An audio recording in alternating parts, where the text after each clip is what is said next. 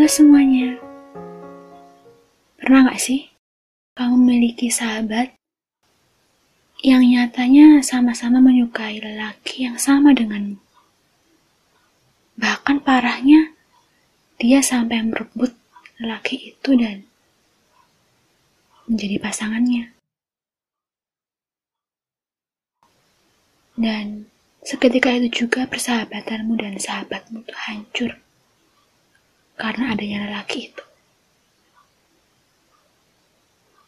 Cerita request dari seseorang dengan inisial A ini cocok buat kamu. Berjelajah dalam karya berjudul Berpura-pura. Putus. Tangisan pecah terus menemani hari-hariku selama seminggu ini. Aku ibaratnya hanyalah sebuah benang yang berusaha untuk menyelesaikan sebuah kain. Namun, Yuni, sahabatku, datang dan memotongku dengan seenaknya.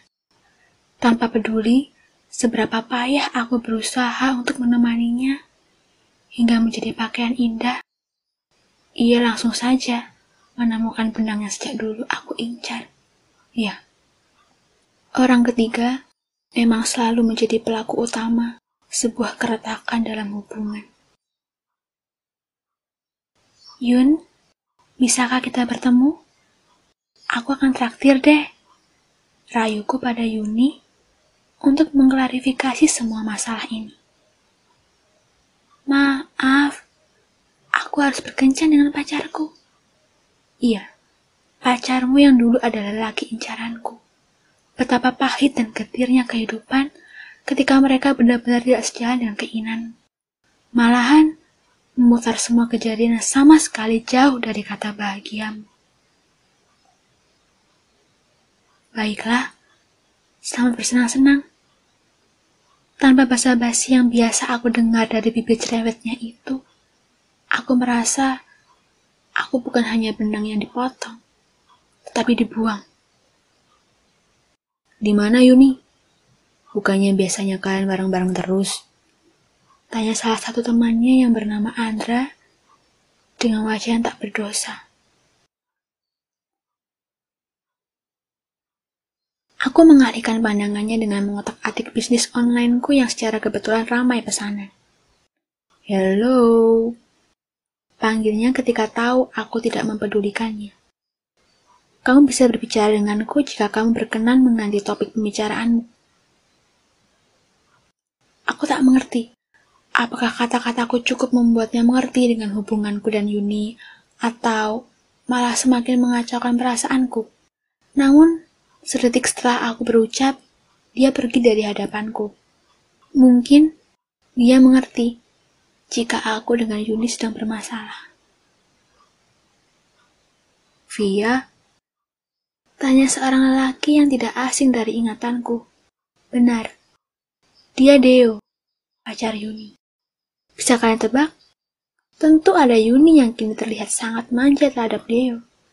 Saking manjanya, ia merangkul seluruh tangan Deo seakan-akan orang lain tidak boleh bersanding dengannya selain dia. Lama gak ketemu? Ucap Yuni sembari memelukku.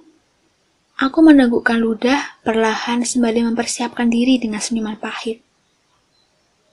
Dengan Kak Via? Tanya seorang wanita berumur sekitar 60 tahun padaku. Aku pun mengalihkan pandanganku dari Yuni dan langsung saja menatap wanita itu. Iya, betul. Ucapku sembari mempertanyakan kedatangannya. Saya ingin mengajak Anda berbisnis dengan saya, karena kebetulan barang kita sama. Ucapnya membuatku membelalakkan mata. Wah, dengan senang hati, Bu.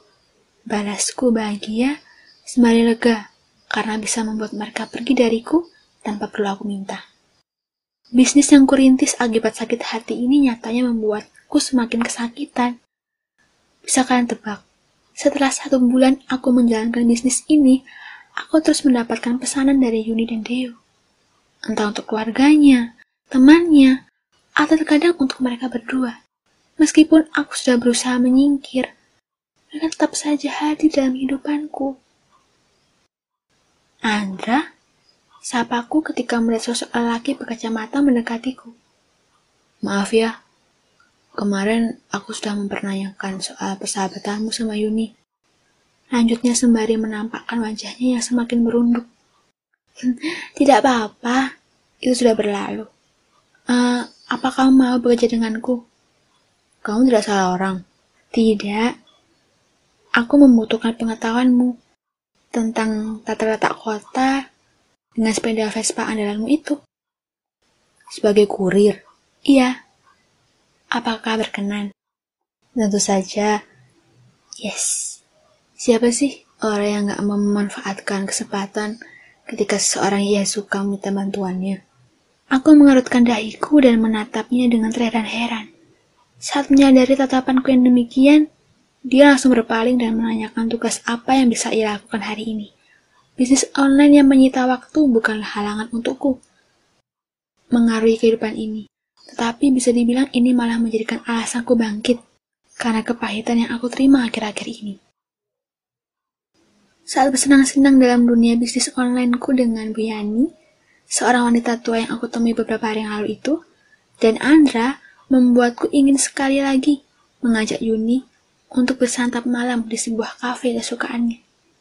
Hai Yun, aku hari ini gajian. Bisakah kita bertemu di kafe kesukaanmu? Aku sangat merindukanmu. Ucapku sembari menahan air mata karena takut akan penolakan yang akan berulang kembali.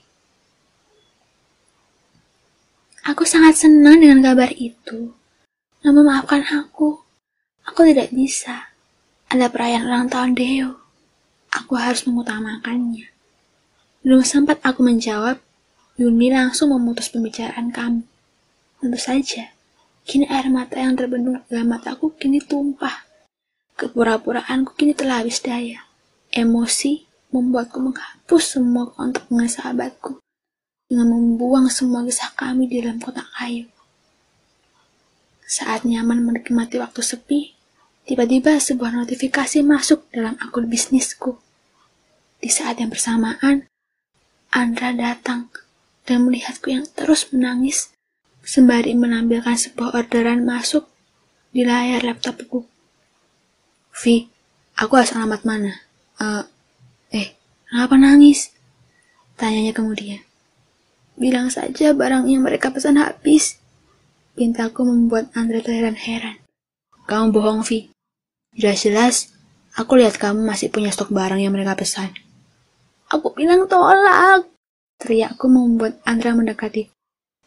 Vi, jika kamu mau bisnismu besar, kamu tidak boleh memainkan perasaanmu dalam berbisnis. Bisa-bisa kamu makan hati terus mendengar mereka.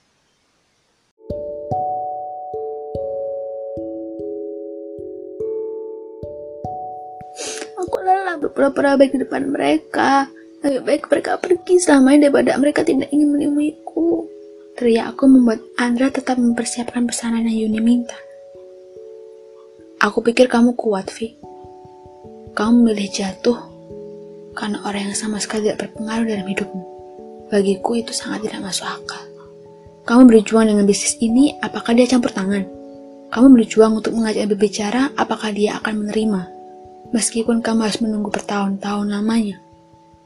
Jangankan menerima ajakanmu, aku yakin dia tidak akan mempedulikan apa yang terjadi dalam hidupmu lagi.